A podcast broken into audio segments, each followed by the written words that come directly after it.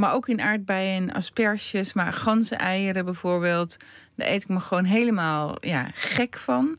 En dan tegen de tijd dat ze dus ja, op beginnen te raken. Hè, dat is ook de tijd dat uh, je begint met ganzeneieren rapen. Dan zijn de nesten nog vers en bijna niet uh, bebroed. Dus dan kan je bijna alles meenemen wat je tegenkomt. Aan het eind van het seizoen kom je steeds meer ja, vergeten nesten tegen. En dan moet je steeds meer dus nesten vernietigen. En dat vind ik helemaal niet leuk. En dat is ook uh, de tijd dat, uh, ja, dat ik er dan al zoveel heb gegeten... dat ik er ook weer een beetje klaar mee ben. En op een gegeven moment is dat seizoen weer voorbij. En dan, uh, dus ja, en het gaat met, met alles, ook met brandnetels. Op een gegeven, ja, vanaf nu eet ik ze veel minder. En dan ga ik dus echt over op de bloemen. En dat is ja, meer saladeachtig werk. Dat is niet heel avondmaaltijdvullend. Maar dat is heel mooi, heel leuk. Uh, ja, verrassende smaakjes. Ja, je zegt bloemen, je wijst hier naar de tafel. Ja, ik, er ligt hier een hele grote bos bloemen. Ik neem aan eetbaar dan. Ja. Hoe weet jij wat eetbaar is? Um, ja, ik ben ooit begonnen dus met uh, moestuinieren. En nou, dat vond ik sowieso heel erg leuk. Ik heb heel veel over gelezen en over plantenfamilies. En toen begon me ineens op te vallen dat heel veel uh, families die we in de moestuin hebben, die groeien ook in het wild.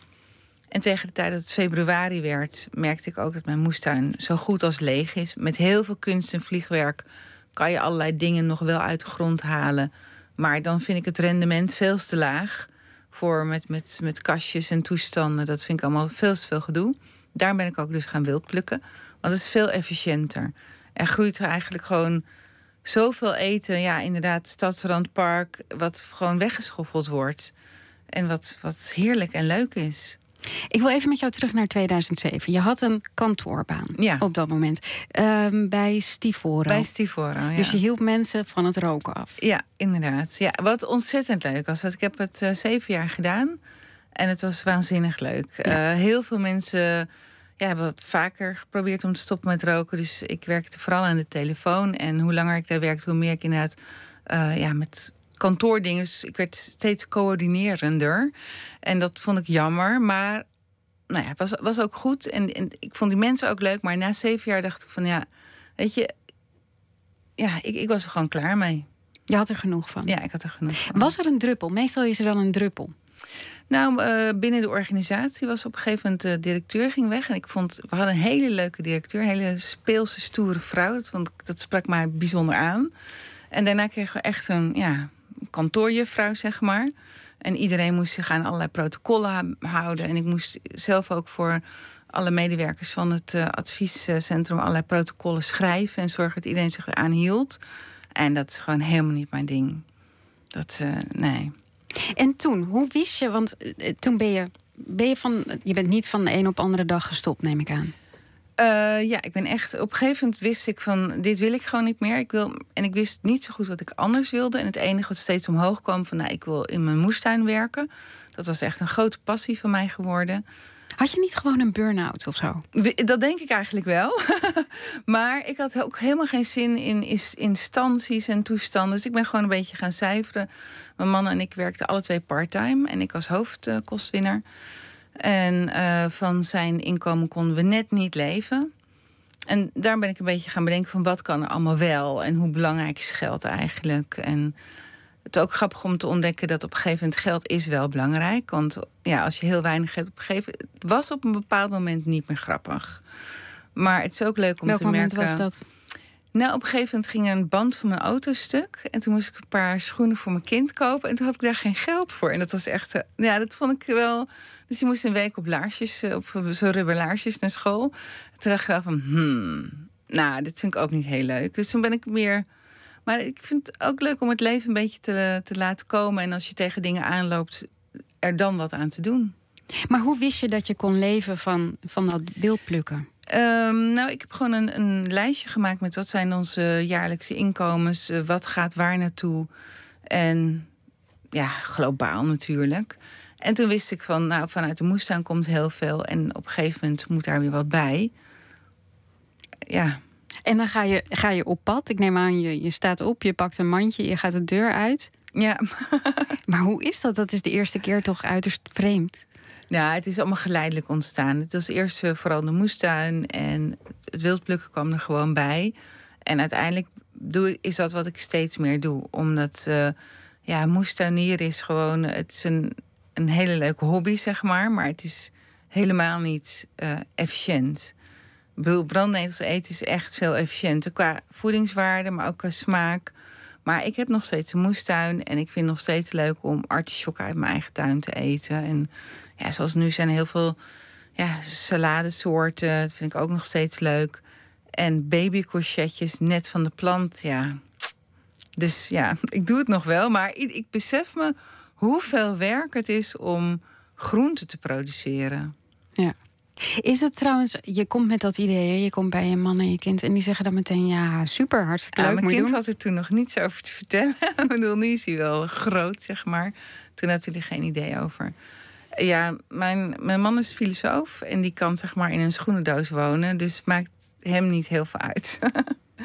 is, het, is dit iets wat je, wat je vroeger ook altijd deed? Je bent opgegroeid in, uh, in Stompentoren. Dat is tussen de weilanden. Ja. Was je altijd al? Ik was altijd buiten. Ik woonde zelf in, het, uh, nou, in de kern van het dorpje. En mijn beste vriendinnetje die woonde aan de rand van het dorp. En we waren altijd buiten. We waren altijd samen in de kano of struinen. Uh, walnoten plukken we stiekem bij de buren. Appeltjes stelen. Ja, uh, glijbaan maken van klei. En dat je dan de sloot ingleed. En we hadden allemaal altijd woeste projecten. En school vonden we alle twee niets aan. Um, ja, we waren gewoon altijd buiten in de bomen. Um, ja. Komt daar die, want het is een beetje een pragmatische natuuropvatting die je hebt. hè? Mhm. Komt die daar vandaan? Ja, zeker weten. Zeker weten. Door gewoon heel veel buiten te zijn. Um, ook zeg maar allerlei dingen van, van bomen knuffelen. Dat, ik snap het op zich wel. Want ik heb ook heel vaak tegen een boom aangehangen en me één gevoeld met die boom. Maar ik zou het niet op diezelfde manier omschrijven. Ik zou het zelf geen bomen knuffelen noemen, maar meer ja, gewoon één worden met de plek in de natuur waar je op dat moment bent. En het kan bij een dier zijn, maar ook bij een boom of een plant. Maakt niet zoveel uit. Het is een beetje een mengeling tussen, tussen heel pragmatisch naar de natuur kijken, maar wel um, heel veel liefde voor de natuur. Je ziet dat vaak um, bij boerenbedrijven, vind ik ook. Ja, dat is ook zo, inderdaad. En dat, ja, dat, dat is ook precies wat ik leuk vind aan jagen. En wat ik ook. Um, ja, interessant vind aan, aan jagers. Dat het zijn de mensen die ik tegenkom. In eerste instantie zie ik dat niet als natuurliefde. En pas door met ze te gaan praten en te zien hoeveel ze weten over de seizoenen, de grond, uh, waarom dieren wat doen, waarom, ja, ja, waarom dingen zo werken. En dat, dat vind ik zo interessant. Ja, ik vind het grappig dat je dit zegt. Want ik denk dat heel veel natuurliefhebbers je kunnen volgen als je zegt: ik, ik verspil niks. Uh, daar hou ik niet van. Ik hou heel veel van de natuur. Ik heb er heel veel respect voor. Ik pluk niet te veel. Um, maar jij wilde gaan jagen. Ja. Was dat voor jezelf ook een, een drempel waar je over ja, moest? Ja, dat was best wel. Uh, ja, niet helemaal. Toen ik. Uh, dus ik ben opgegroeid in Stompetoren en mijn moeder komt uit Drenthe. Dus we gingen ieder zomervakantie naar Drenthe en dan logeerden we op een boerderij.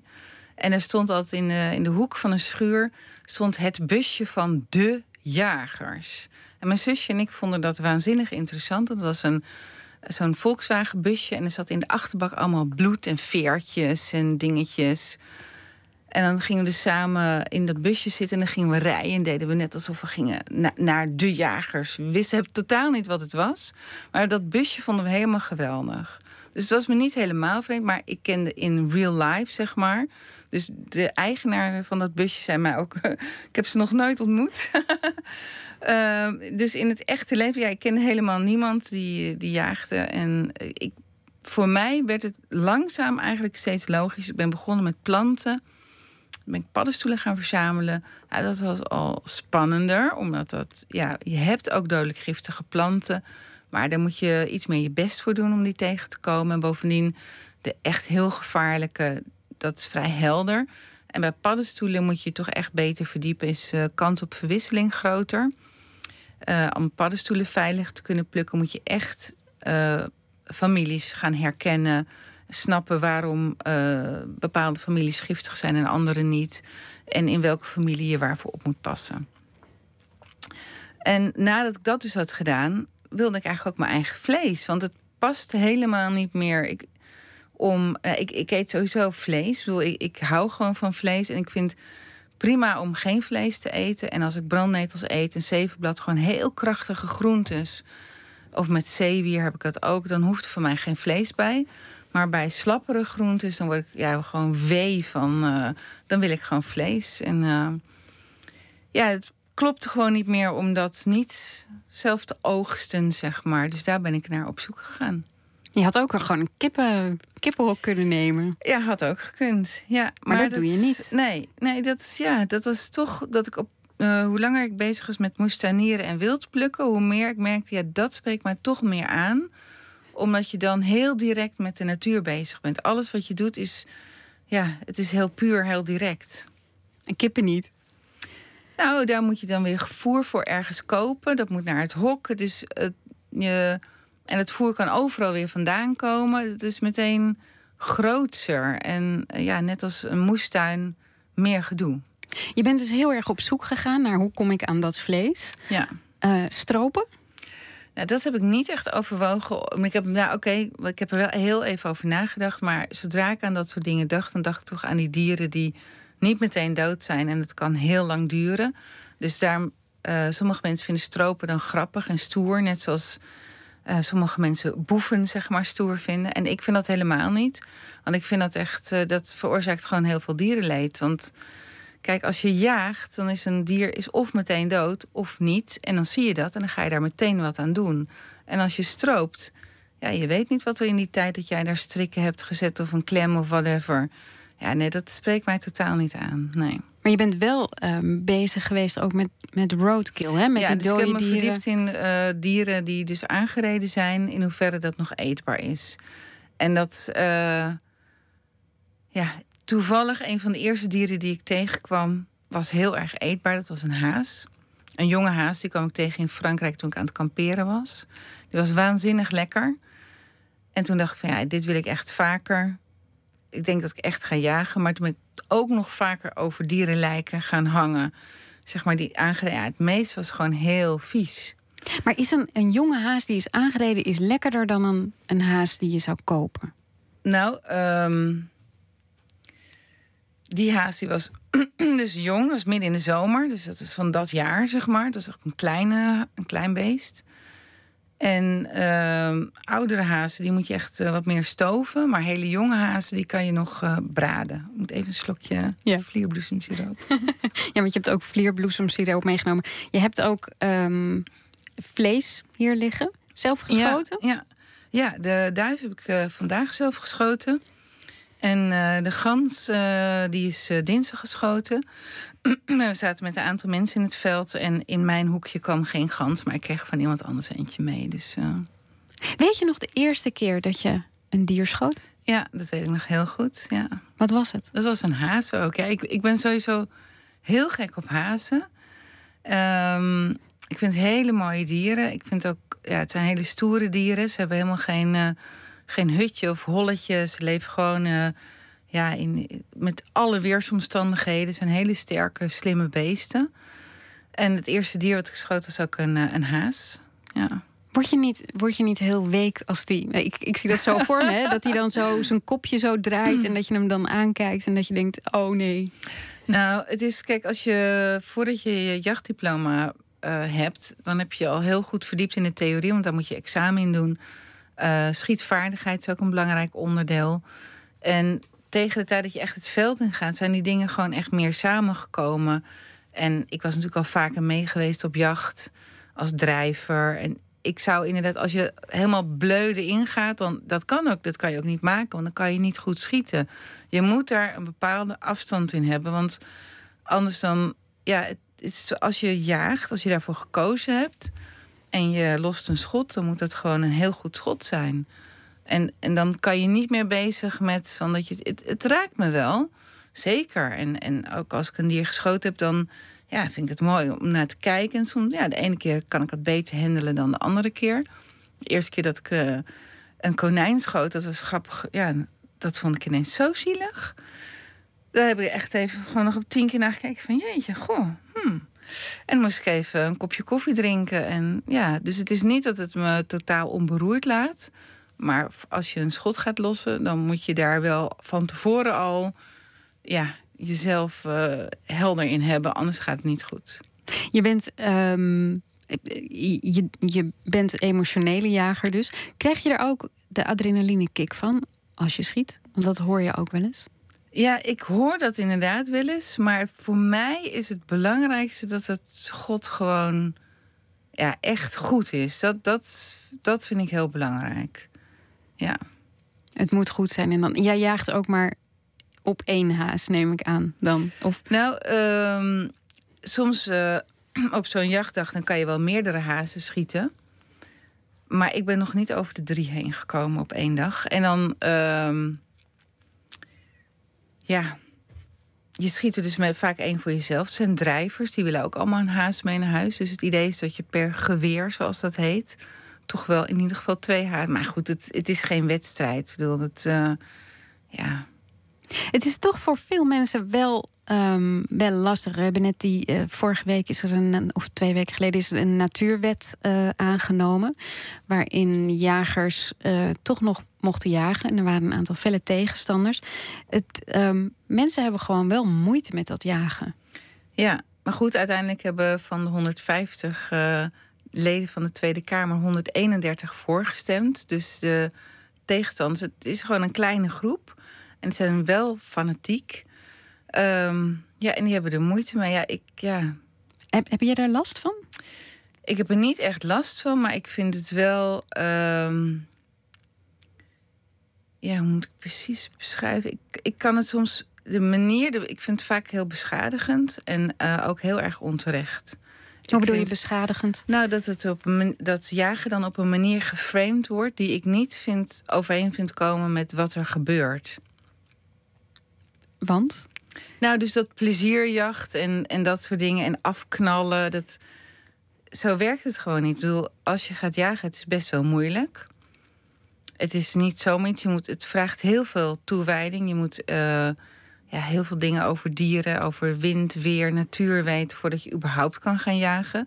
Want zeg maar, als je in de ronde gaat knallen, dan schiet je dus helemaal niets.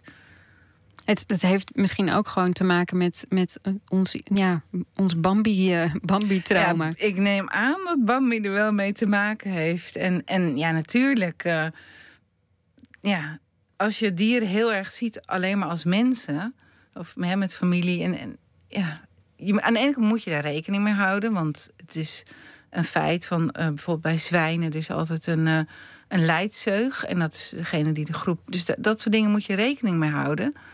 Maar het is ook zo dat als je uh, populaties niet bejaagt, dan gebeuren er veel ergere dingen. Zoals ja, met de ganzen. Ik vind zelf heel erg dat mensen die dus zich zo ingezet hebben voor, tegen jacht en daar heel succesvol uh, in zijn, want de gans is nog steeds niet vrij bejaagbaar.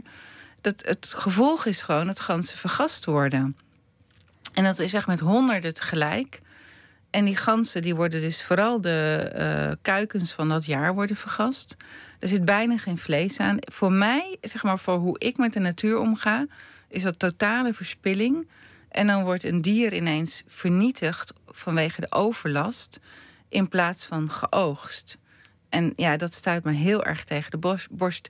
En ik zou het heel fijn vinden als uh, mensen die dus zo fel tegen jagen zijn, daar gewoon vaker op aangesproken worden op wat voor gevolgen hun gedrag heeft. Want het is net alsof niets doen heilig is ten opzichte van wel iets doen. En dat is gewoon absoluut niet waar.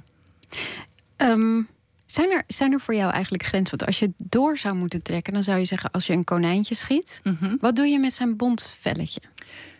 Nou, de eerste tien konijnen heb ik alle velletjes gehouden. En van uh, het eerste konijntje wat ik geschoten heb, heeft mijn man een, uh, een tasje gemaakt waar mijn telefoon in kan. En dat, ja, dat, daar ben ik heel blij mee. Maar op een gegeven moment wordt het inderdaad te veel.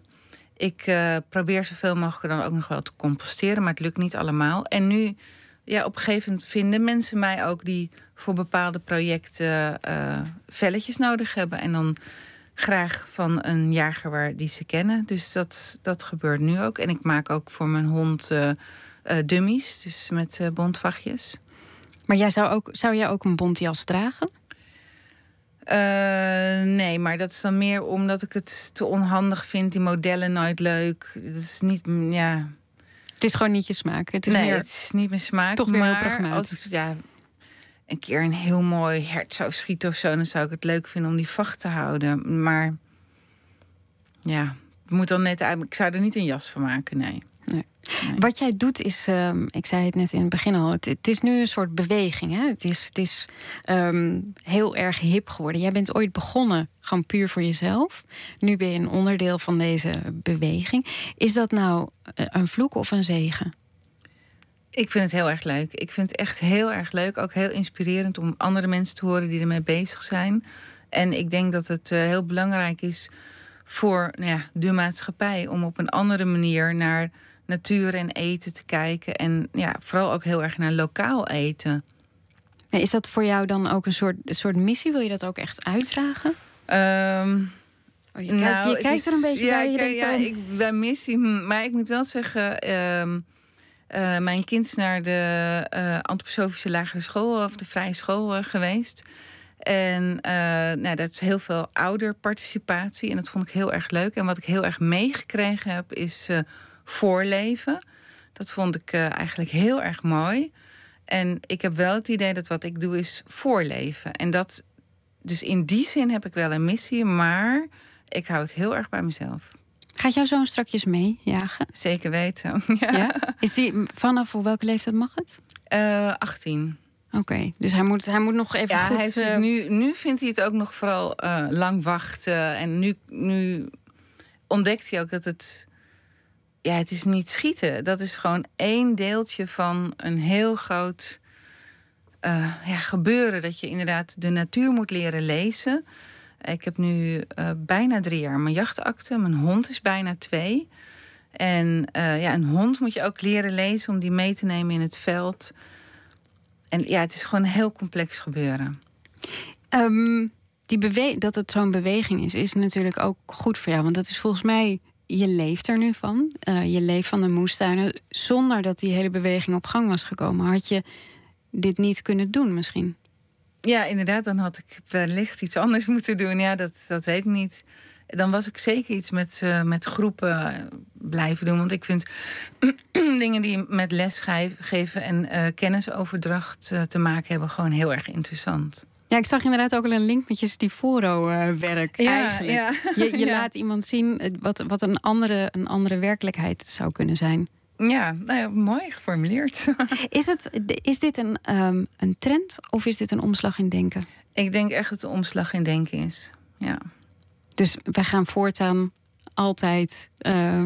Nou, ik denk bewuster worden ook inderdaad wat je zei over die kippen. Dat je toch bewuster bent dat zelfs als die kip uit je eigen tuin komt, dat het voer wat die kip eet misschien wel uh, GMO-mais is. Ik bedoel, ja, gewoon steeds meer nadenken over wat eet ik eigenlijk en, en waar komt het vandaan en wat.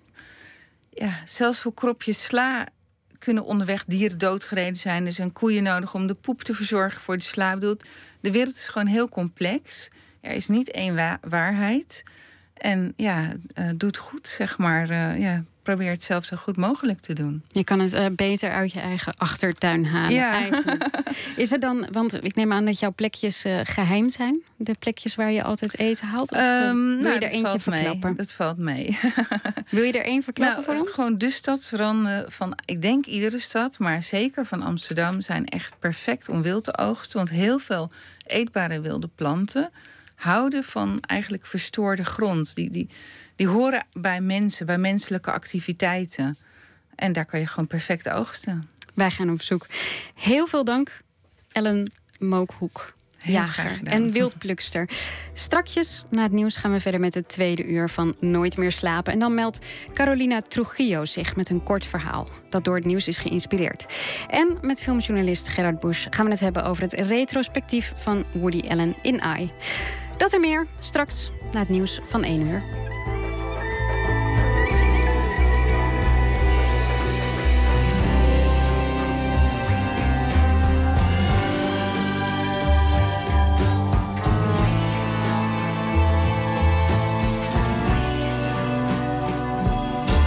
Op Radio 1, het nieuws van alle kanten.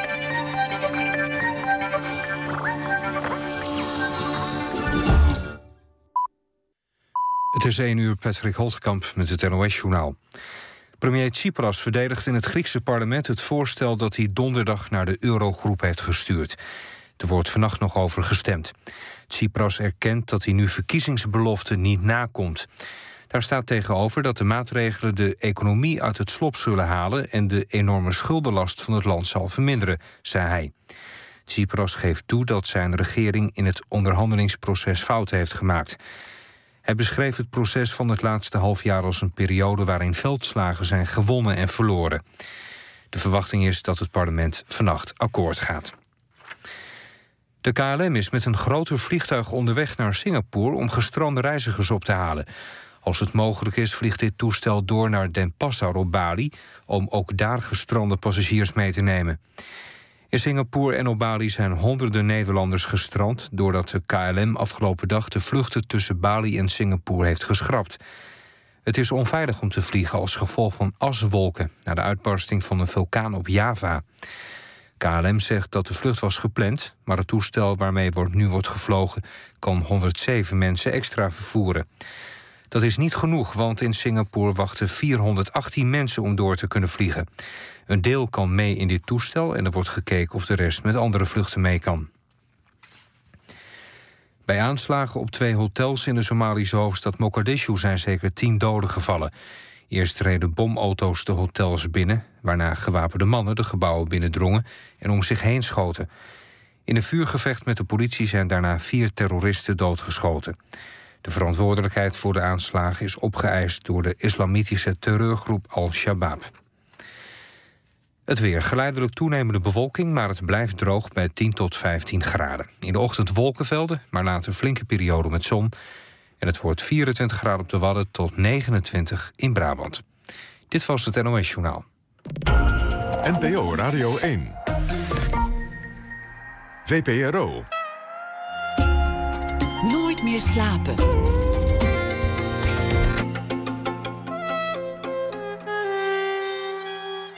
Met Floortje Smit.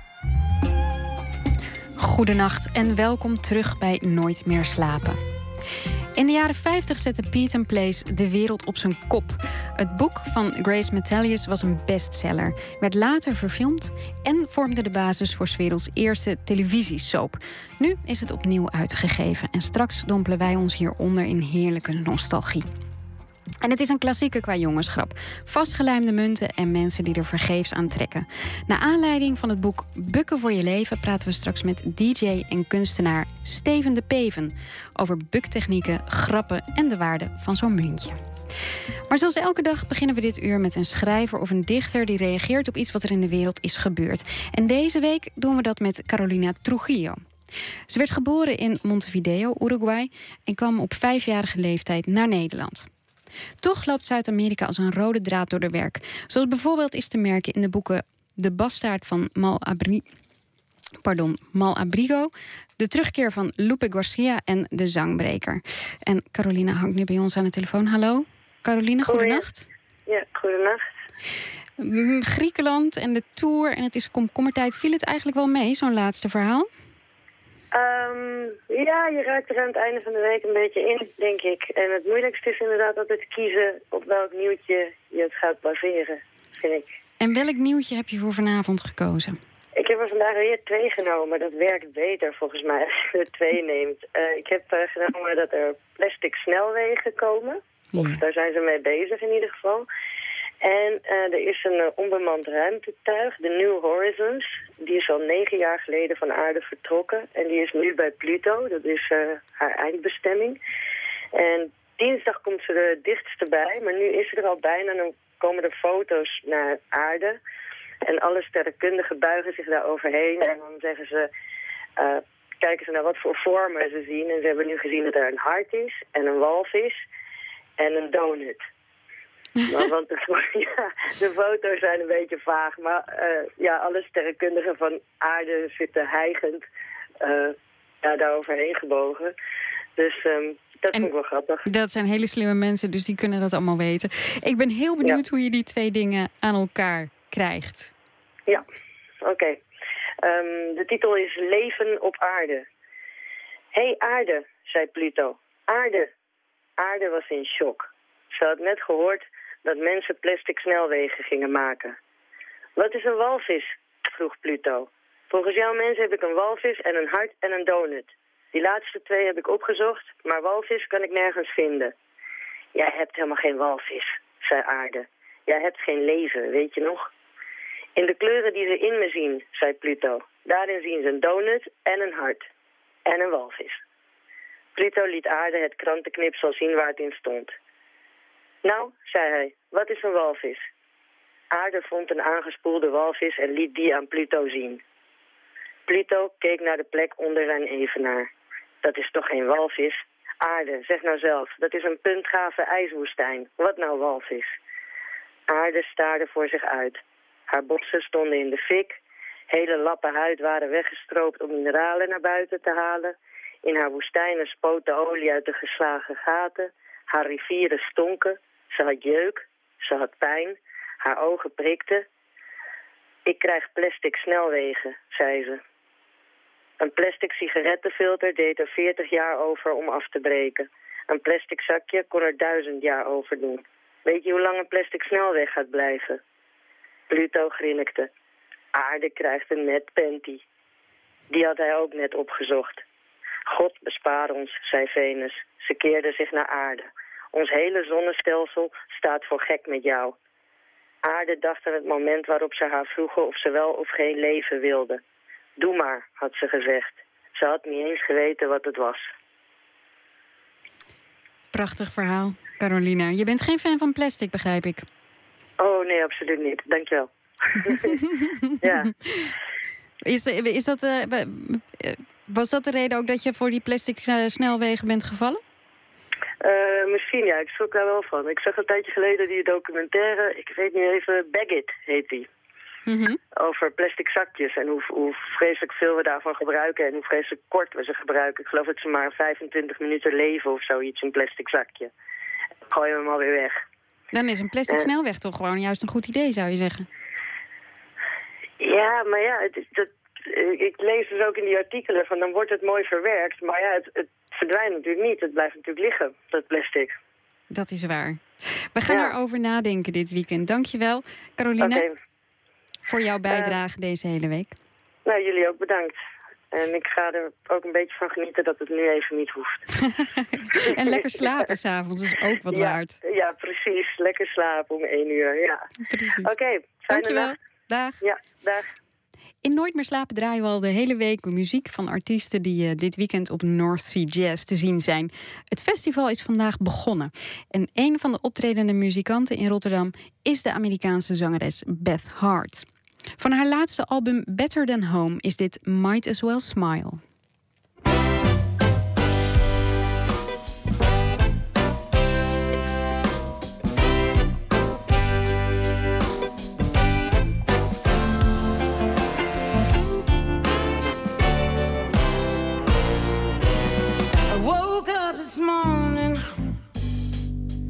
With a smile on my face.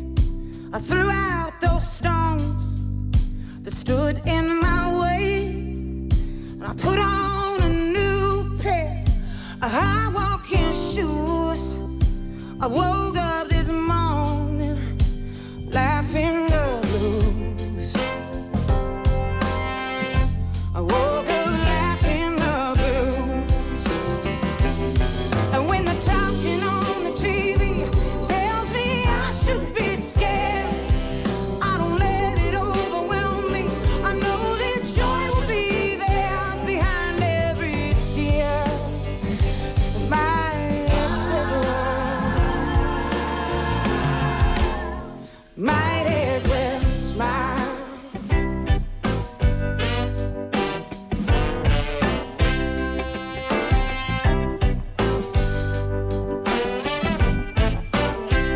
go to the corner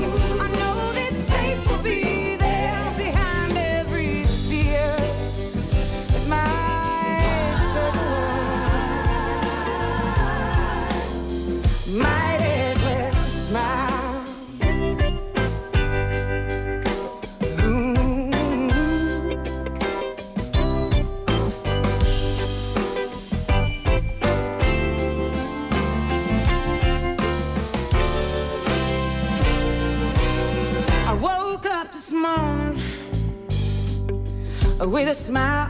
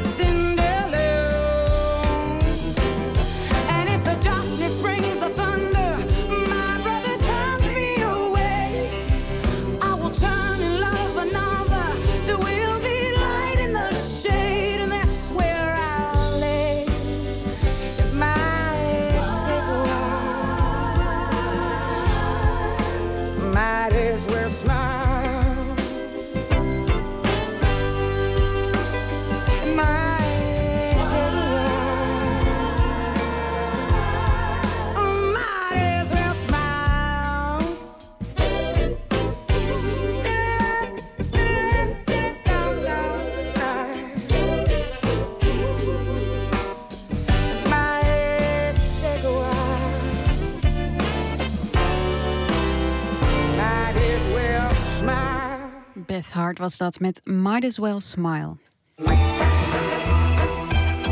Nooit meer slapen. In de jaren 50 van de vorige eeuw verscheen het boek Peyton Place van Grace eh, Metal, Metallius. Een boek over lust en intriges in een klein stadje in Amerika.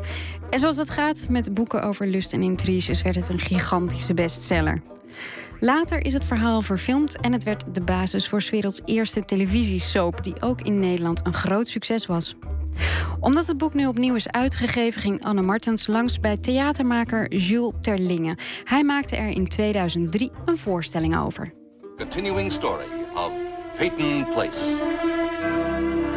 Uitgeverij Nieuw Amsterdam geeft, bijna 60 jaar na verschijnen, het boek Peyton Place van Grace Metelius opnieuw uit. Starring Dorothy Malone as Constance Mackenzie. Warner Anderson as Matthew Swain. Ed Nelson as Michael Rossi. And Mia Farrow as Allison Mackenzie. Grace Metellus heeft een, heeft een boek geschreven. Het bestaat eigenlijk uit drie boeken. Over drie vrouwen in een hele kleine benepen gemeenschap. Amerika in 1957.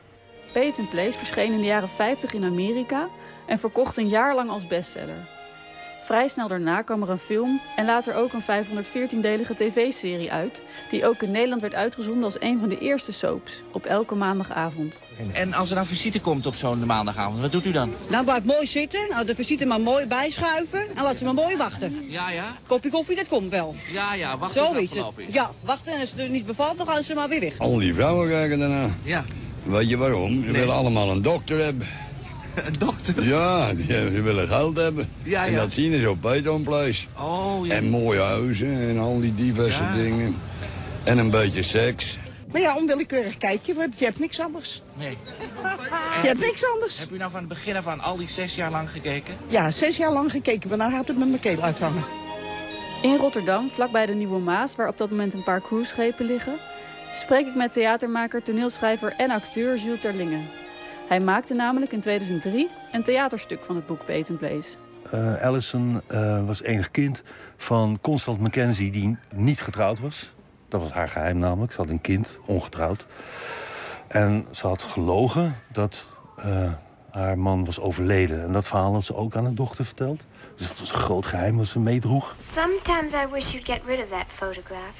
Why? That's your father. It's a photograph. Mother, he died before I was born. And you can't be very happy living alone. En een, eh, een jonge dochter uit een heel... Ja, het is echt white trash, zou ik maar zeggen. Het is een, eh, een eh, asociaal gezin. Selena Cross. Eh, Selena Cross wordt door haar stiefvader echt nogal, nogal aangepakt. In eerste instantie alleen met geweld, later ook gewoon seksueel misbruikt. Ze wordt ook zwanger van hem.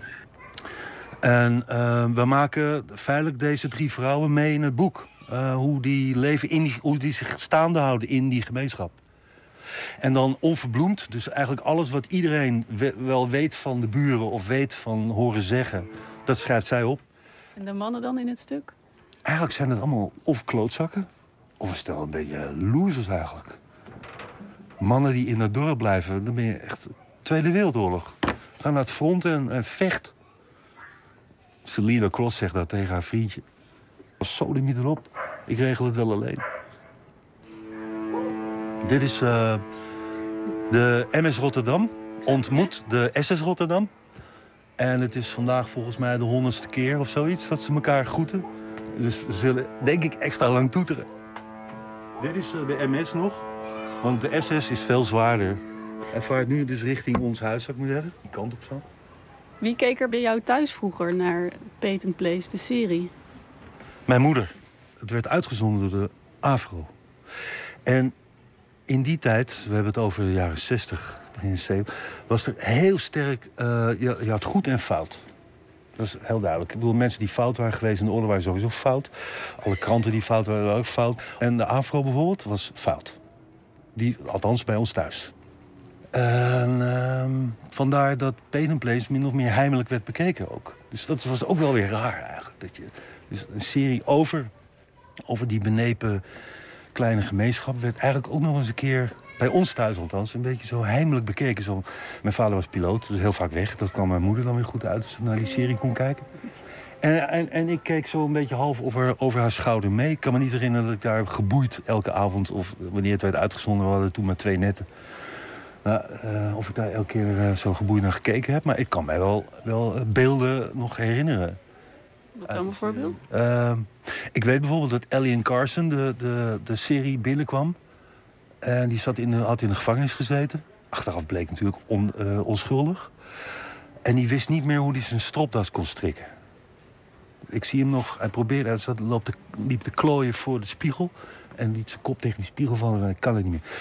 En ik was toen nog eh, lid van het koor. Ik was koorknaap, ik was misdienaar. Ik moest elke zondagmorgen mijn stropdas strikken. Nou, daar hebben we nu dan weer eh, de MS meets eh, de SS Rotterdam. En dat houdt pas op als die voorbij is, hoor. Dus dat gaat wel even. Nou, dat weet elke leeftijdgenoot kan zich dat ook nog een Mia Farrow die op, de, op een klif afloopt. Gaat zij zelfmoord plegen of niet? De aanleiding ben ik vergeten, de afloop ben ik vergeten. Alleen dat zij met die grote ogen van haar op die klif afliep en naar beneden keek. Ja, dit is de SS Rotterdam.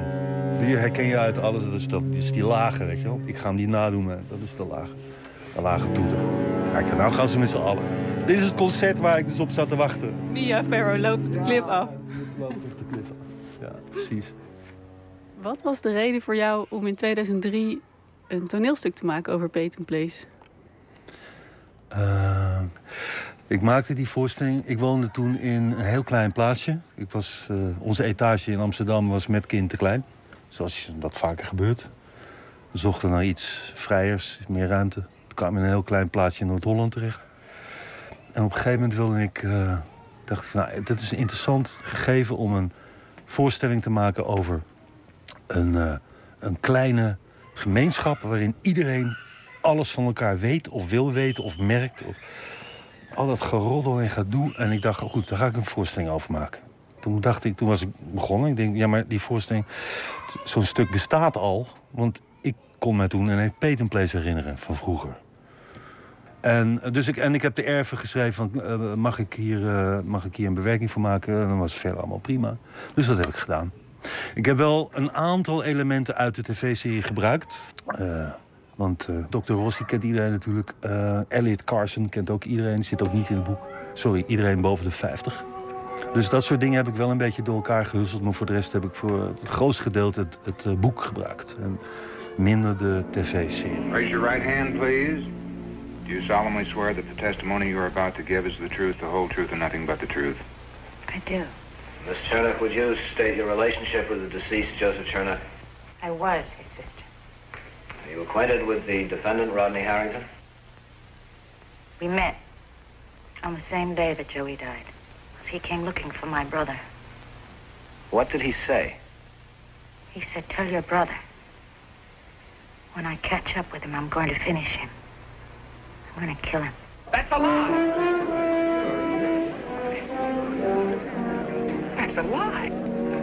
Waarin verschilt het boek eigenlijk van de serie en de film, vind jij? De film volgt behoorlijk dit boek. TV-serie bijna onvergelijkbaar. De, de producent haatte eh, dit boek van Grace Metalius. Maar ja, eh kreeg gewoon de opdracht van... eh, luister, dit, dit wordt gewoon een hit. Dus begin er maar aan. Nou, dus die is al begonnen met eigenlijk een soort cover-up programma toe passen op dat boek. Door eh, alles wat, wat zeg maar ook maar enigszins neigde naar... eh, ja, hoe moet je dat zeggen? Naar, on-Amerikaans... eh, althans, wat, wat zij dan on-Amerikaans vinden, namelijk huiselijk geweld. Nee, dat kwam niet voor, toch? Hoor, hup, eruit. Alcoholisme? Nou, alleen nog een, alleen een paar... Nou, een paar echt waarvan je weet van, nou, die deugen sowieso niet. Nou, en noem maar op, alles. Gewoon alle, alle scherpe kanten die van Grace Metalius werden eruit geflikkerd... en vervangen door eh, suikerzoete... Waar we toch met z'n allen naar gingen kijken. Want het was natuurlijk... Het is inderdaad achteraf gezien wel degelijk de, de moeder van alle soaps. Want ze moesten maar doorgaan. Dus de ene onwaarschijnlijke ontwikkeling na de andere k- kwam langs. En dat had niets meer met Grace Metalius en Peyton Place te maken. Norman Harrington walked me back from the library. Why didn't you invite him in? I did, but he wanted to study. I like Norman. I know you do. So do I. Why don't you ever go out with him? Oh, he's too young. Besides, we've been friends so long, I think we both feel funny if we tried to date. My Prince Charming is lurking somewhere. In Peyton Place. Why not? En ehm, wie speelde jij eigenlijk in je voorstelling?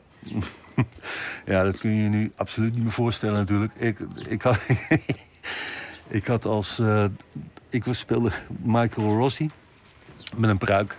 De dokter? de dokter. En ik was 20 kilo lichter. En, eh, en ik speelde eh, Lucas Cross, de vader van Selina.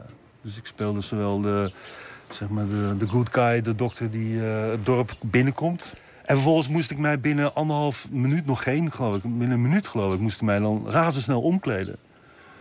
En als Lucas Cross over het toneel mijn dochter achtervolgen. En, eh, en eh, uiteindelijk eh, word ik dan ook in de voorstelling neergeschoten door mijn dochter Selina Cross. Ja, als ik het zo vertel, denk je ook van... Jezus, inderdaad, wat een ongenadige boeket shit is dit.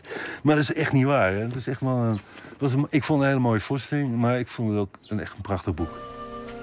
Mother, you'll always be the most wonderful person in the world to me.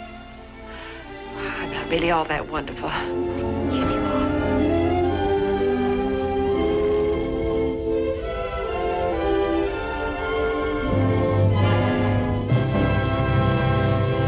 U hoorde theatermaker Jules Terlingen over het boek Peyton Place, waar hij twaalf jaar geleden een voorstelling over maakte.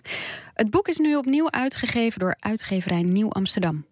Een bijdrage was dit van Anne Martens. De Ierse singer-songwriter Hozier staat dit weekend ook op North Sea Jazz, op zondag om precies te zijn. En van zijn titeloze debuut draaien we het nummer Like Real People Do.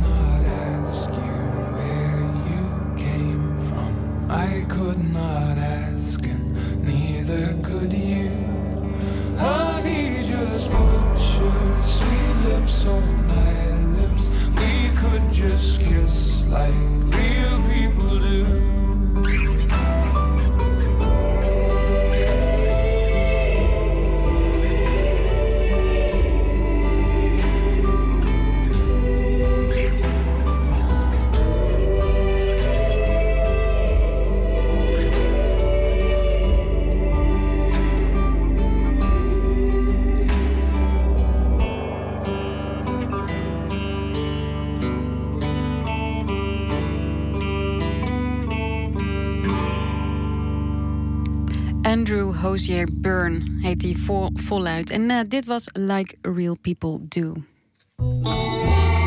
Nooit meer slapen. Iedere vrijdag bellen we met een van VPRO's smaakmakers. En vandaag doen we dat met Gerard Busch, onze specialist op het gebied van film en als journalist werkzaam bij VPRO Cinema. Goedenacht, Gerard. Goedenacht. Hey, net werd op eh, NPO 2 de film Together uitgezonden. Dat is van de Zweedse regisseur Lucas Moodysson. En dat was een onderdeel van, het, eh, van de VPRO Cinema collectie. Kan jij uitleggen wat dat is? Uh, jazeker, dat zijn zes doorbraakfilms van nog steeds belangrijke makers. En die laten we de film zenden we elke keer uit. Maar daarvoor doen we dan een interview met de maker. En dat is, mogen ze hun eigen film min of meer inleiden. Niet, niet als een echte inleiding, maar gewoon door erover te vertellen hoe belangrijk die was en hoe die tot stand kwam. En vandaag was het uh, Moodysson met uh, een bijzonder leuke, fijne, frisse film. Ja. En, en die stukjes zijn, die kun je ook nog gewoon terugbekijken, toch? Je interviews. Ja, tegenwoordig kan je die op duizend, ik geloof op bij ons op Facebook, maar natuurlijk ook op cinema.nl. En, Ach, de en techniek weet ik staat veel. voor niks. Ja, nee, precies. Dat, dat, te veel. Ja. We zijn nu uh, precies halverwege deze reeks. Um, kan jij vertellen welke films er nog meer uh, te zien zijn de komende tijd? Ja, we krijgen volgende week is In the Name of the Father van Sheridan. Die week erop hebben we Vesten van uh, Winterberg. En de laatste is uh, uh, hoe heet ook weer? Monsters Ball van de Zwitser Mark Forster. Ja, mooie, mooie films. Um, iets heel anders. We hebben nieuws vandaag, want bekend werd dat de Egyptische acteur Omar Sharif is overleden aan een hartaanval. Hij werd 83. En welke, welke rollen ken jij hem van, Gerard? Nou, ik denk zoals de meeste, hoewel de jonkies misschien niet, want hij had zijn hoogtijdagen eigenlijk toch wel in de jaren 60. Lawrence of Arabia. En, uh, god, hoe heet die ene film ook weer? Uh... Dr. Zhivago? Juist. Ja. Dus, dus ja, het zijn, uh, het zijn golden oldies. Het waren ook, was ook, hij was, werd ook groot in de tijd dat Hollywood heel belangrijk was. Epos, epische films. Big budgets voor toen. Hij is wel een beetje in de vergetelheid geraakt daarna. Maar toch wel een, een hele beroemde, grote naam. Ja, en, en volgens mij een van de weinige uh, Arabieren die werkzaam zijn in Hollywood. Waren in dit geval. Waren. Ja, en ook, ook het, ja, het wordt wel heel gauw heel politiek. Maar toen had, laten we zeggen, de, de Arabier was toen nog iets exotisch. Iets, hij was uh, een ladies man, hij was een uh, vrouwenverslinder vaak. En omdat hij zo het geheimzinnige van de Oriënt had. En dat, ja, de Oriënt is nu op een andere manier in het nieuws. Ja. Dus helaas, uh, dat klopt wel. Dat is een van de weinige grote Arabische sterren in, uh, laten we zeggen, in het Westen. Ja. Ben jij eigenlijk een, uh, een Woody Allen fan? Nee. Nee? Nou, niet, niet, niet zo groot als er een heleboel zijn. Want, ik bedoel, ik kan wel zien dat hij goed is. Maar ja, dat neurotische, dat grote, die grote stadsfilms... film is visueel niet altijd even spannend. Ja, het is niet helemaal mijn... eh, hij heeft ook zo ontzettend veel films gemaakt. Ik geloof 46, zag ik. Nou, dat is... Ja, Ja, je hebt, je hebt kan, kan je grote... ook bijna niet allemaal goede films maken, toch? Nee, precies. Hij wisselt eh, hele slechte films meestal af met hele goede.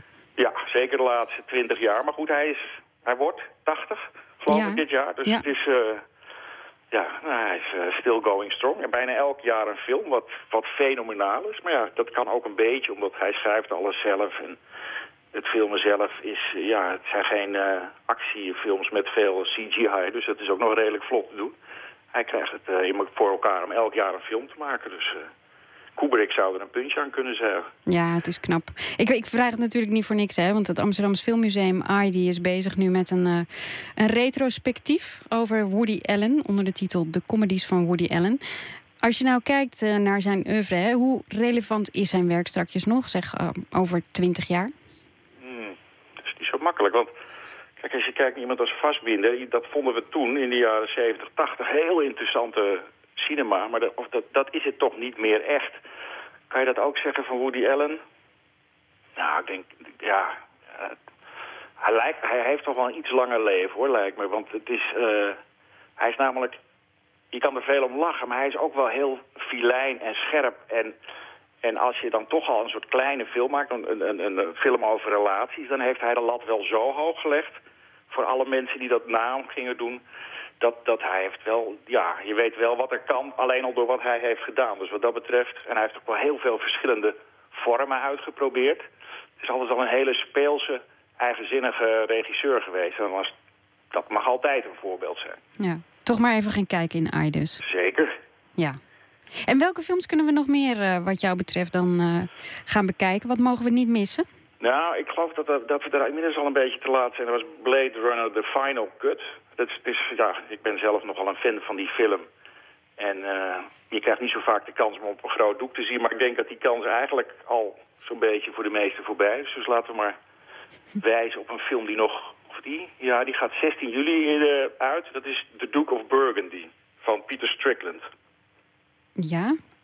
Eh, inderdaad niet overdreven bekend.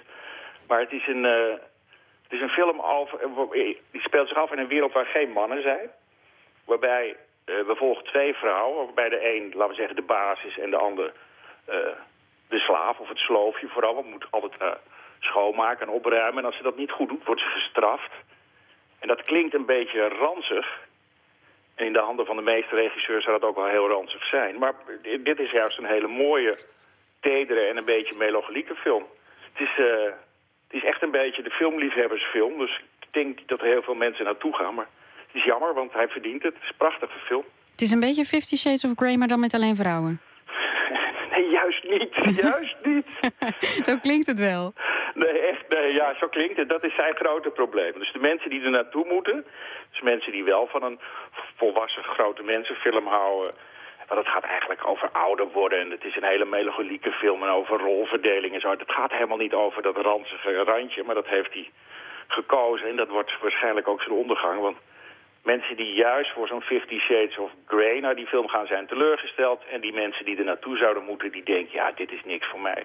Ja. Maar goed, het is dus wel iets voor jou als je van eh, wat spannender, intelligentere cinema houdt. Wel, wel naar deze film gaan. Ja. Heb je nog één tip voor ons? Hmm, even denken. Het is een beetje komkommertijd, hè. Maar La Tête Haute draait nog, denk ik. Moet wel, want die is nog niet zo lang uit. Het is de openingsfilm van Cannes.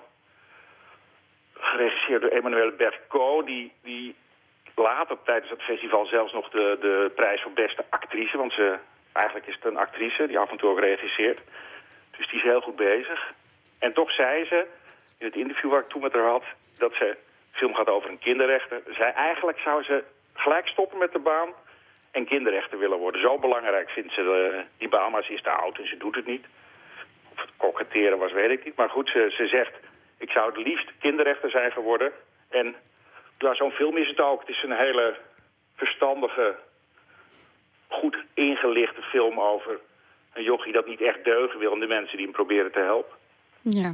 Nou, dankjewel, Gerard. Heel goed, En graag tot de volgende keer.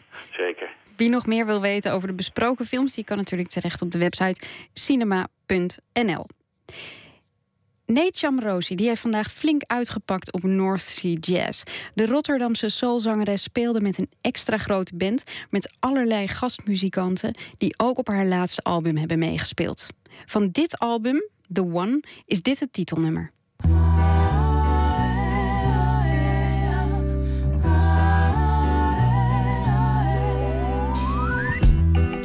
the one that is here when everybody else is gone, one that is near when you think you're all alone, never feeling lonely cause he's by my side, never am I hungry cause I'm fed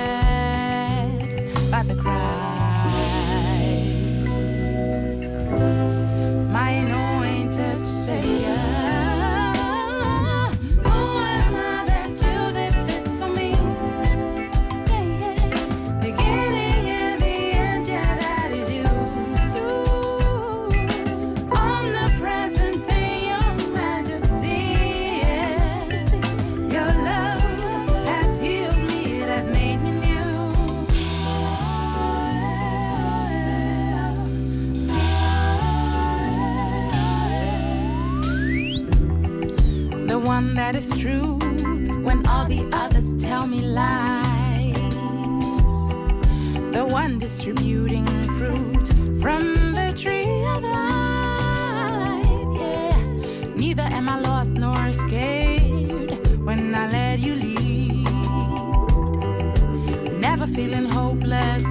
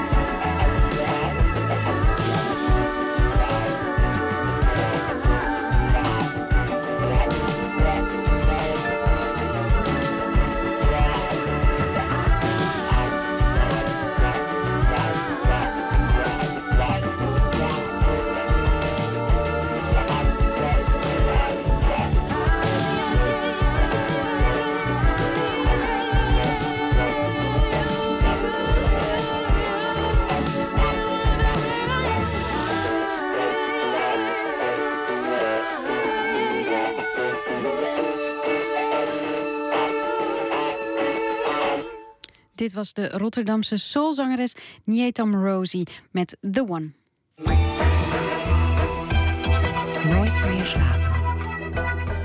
DJ en kunstenaar Steven de Peven die mag de wereld graag vanuit een onverwacht hoekje benaderen. Zijn nieuwste project, Bukken voor je leven, bekijkt het leven vanaf de grond. Vastgelijmde munten en mensen die er vergeefs aan trekken. Maarten Westerveen sprak met Steven de Peven. Zo, deze man die gaat toch wel echt... Die gaat bijvoorbeeld bijna niet door zijn knieën. Dus je ziet dat hij op een of andere manier eh, ja, een bepaald soort lenigheid heeft. Dus zijn, zijn buktechniek is echt eh, ja, verklapt zijn fysieke gestel. Je zou anders vermoeden met een artiestennaam als Steven de Peven... maar DJ en kunstenaar Steven van Hullen voelt zich nog steeds een puber. Hij is de man die persoonlijk voor de rehabilitatie van het eeuwenoude aanwijsstokje zorgde... en het Noord-Hollandse duinlandschap verrijkte met zelfgemaakte wegwijsbordjes. Vrolijke ongein die u en Steven een beetje plezier moet brengen... in een dorre, volwassen wereld. Normaal kan de Peven overdags aangetroffen worden in de eregenoemde duinen... en s'nachts in het Amsterdamse nachtleven als DJ. Nu staat hij met me in de Melkweg in Amsterdam... waar zijn nieuwste project wordt gepresenteerd. Bukken voor je leven. Munten op de grond plakken en dan maar wachten met je camera. Tip 1 voor de buk-aficionado, de lijn. Type lijm is meestal een secondenlijm, want je moet eh, snel zijn. Vooral als je het op straat wil doen, want mensen zijn echt als een kippen bij, bij geld. Dus het moet echt lijm zijn die heel snel droogt, anders is het gewoon niet leuk. Dan je hem kwijt. Dus eh, een klein tubetje eh secondenlijm. Het liefst twee componenten lijm. Dus, met, dus in een spray.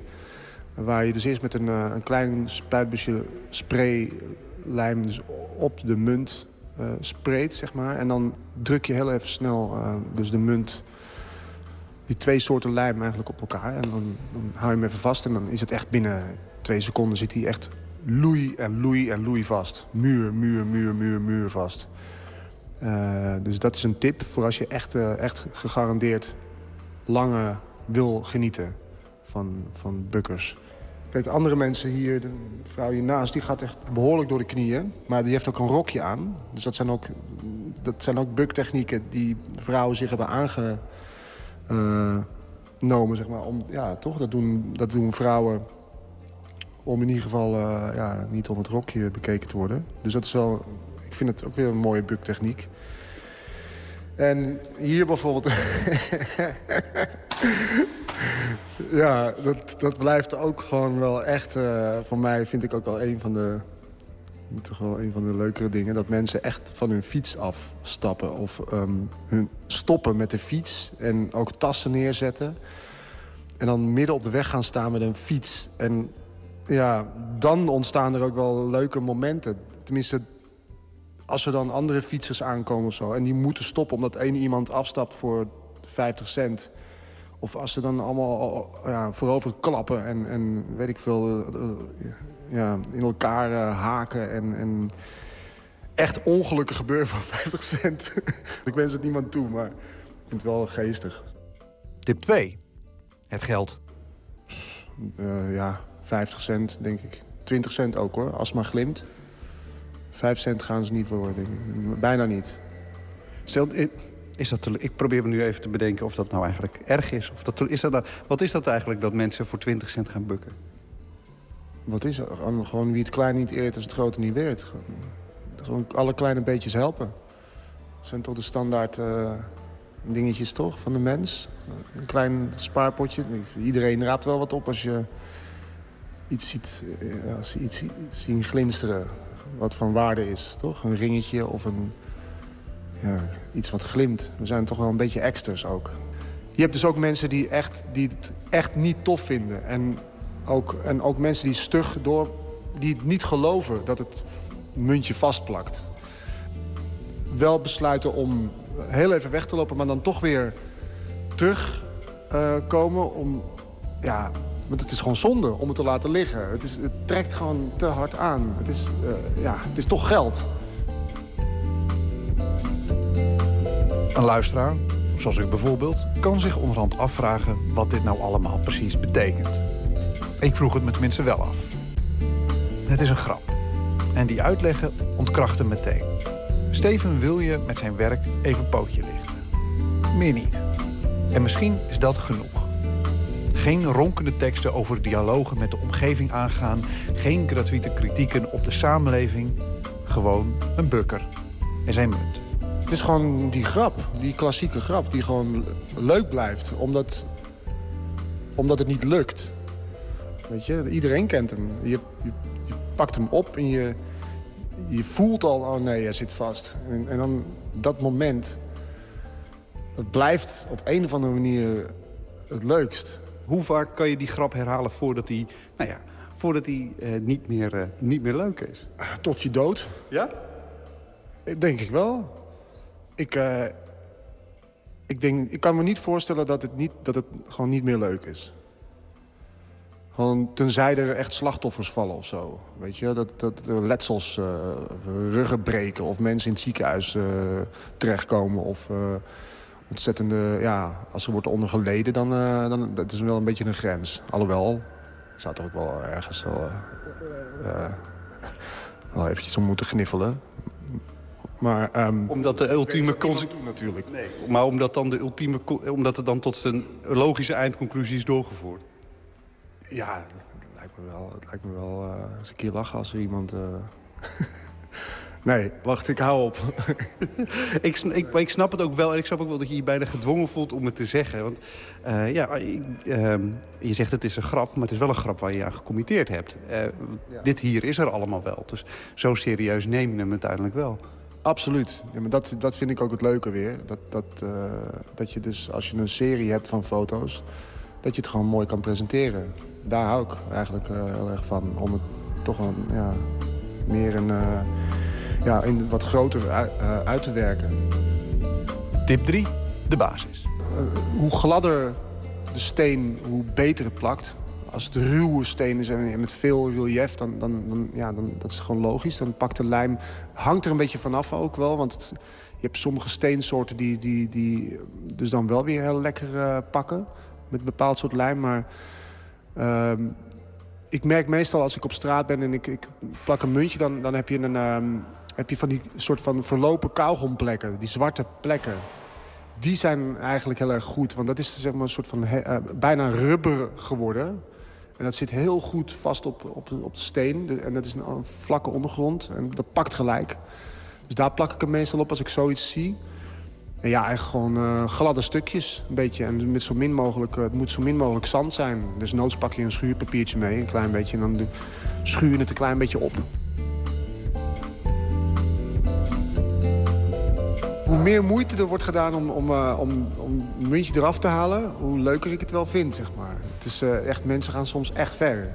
En, en op een gegeven moment kwam er dus een, een eh, man aan die dus ook het muntje ontdekte. en toen hij hem eraf probeerde te trekken en het lukte niet, werd hij kwaad. En, en dat was al heel leuk. Je zag hem echt al een beetje woest op dat muntje trappen, zeg maar. En met zijn hiel erop gaan. En, en ja, het werd van kwaad naar erger.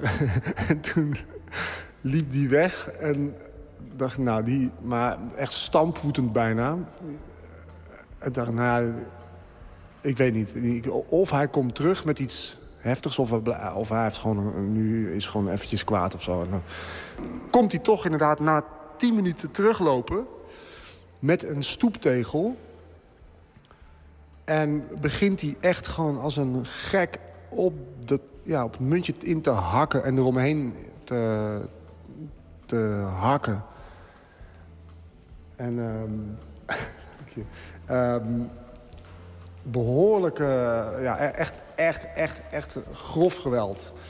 En de stukken straatsteen vliegen er, spetteren er gewoon van af. En het lukt hem gewoon maar niet om, om het muntje los te hakken. En op, maar op een gegeven moment hakt hij dus echt dat een stuk steen, dus waar het muntje op zit, van de straat. Hij hakt echt een put in die straat. En, was, en hij hakt gewoon dat brok, een brok straatsteen los met dat muntje erop. Dus hij had hem alsnog wel. Maar hij ja, helemaal geen flikker aan, want het is gewoon... daar ga je niet mee betalen. Met een, met een stuk steen waar een eh, muntje van 50 cent op is geplakt.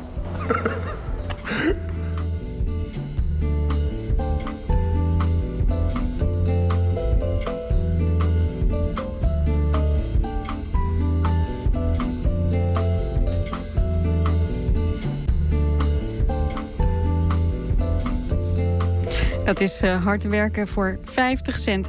U hoorde Maarten Westerveen in gesprek met eh, Steven van Hulle, beter bekend als Steven de Peven. Zijn fotoboek Bukken voor je leven is een uitgave van New Dawn Press.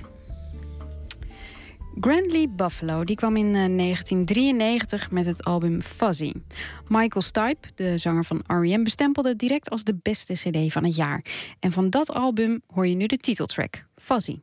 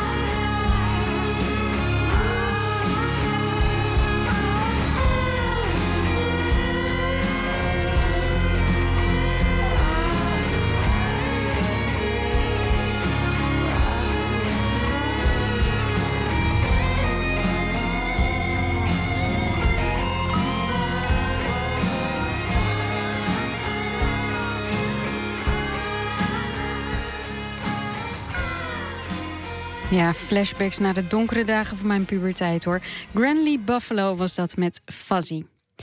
En we eindigen deze aflevering weer met een dichter die een favoriete gedicht voordraagt. Deze week samengesteld door Victor Vroomkoning. Vroomkoning debuteerde in 1983 met de bundel De Einder tegemoet. Daarna verschenen nog tien bundels. Paren is de titel van zijn meest recente uit 2013. Victor Vroomkoning besluit zijn reeks met een eigen gedicht, Zo lief soms nog.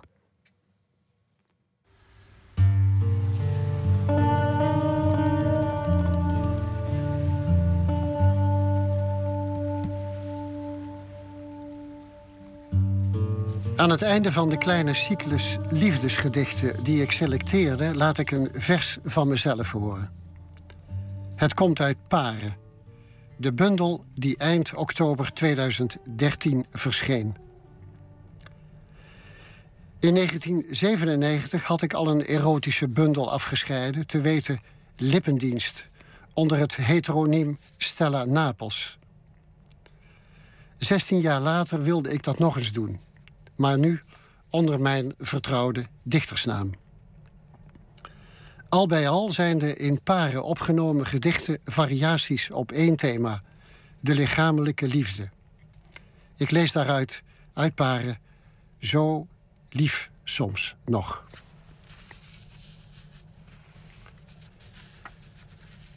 Ik heb je nog zo lief soms, dat ik je zou willen bijten met mijn valse tanden. Dat ik je zonder bril nog eens zou willen zien als toen je uit de verte naar me toe kwam dansen.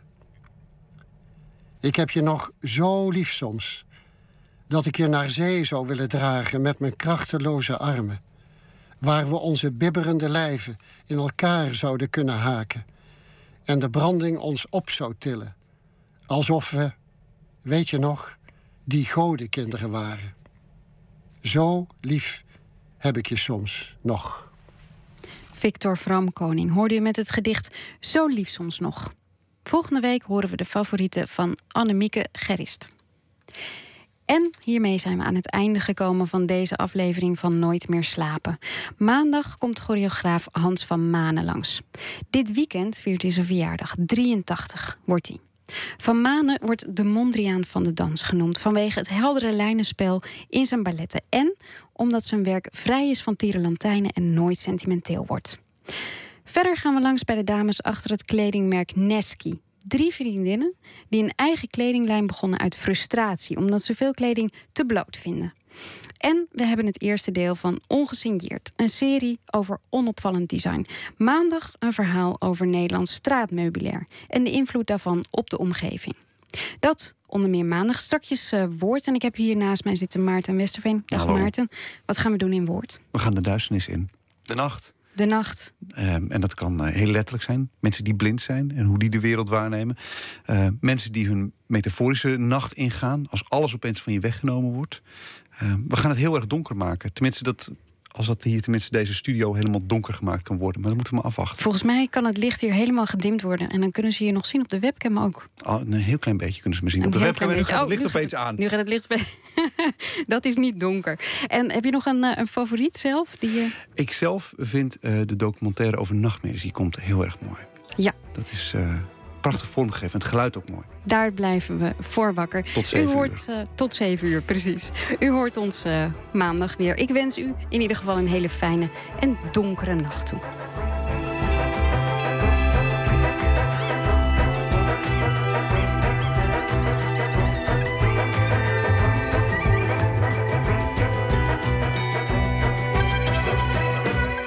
Op Radio 1, het nieuws van alle kanten.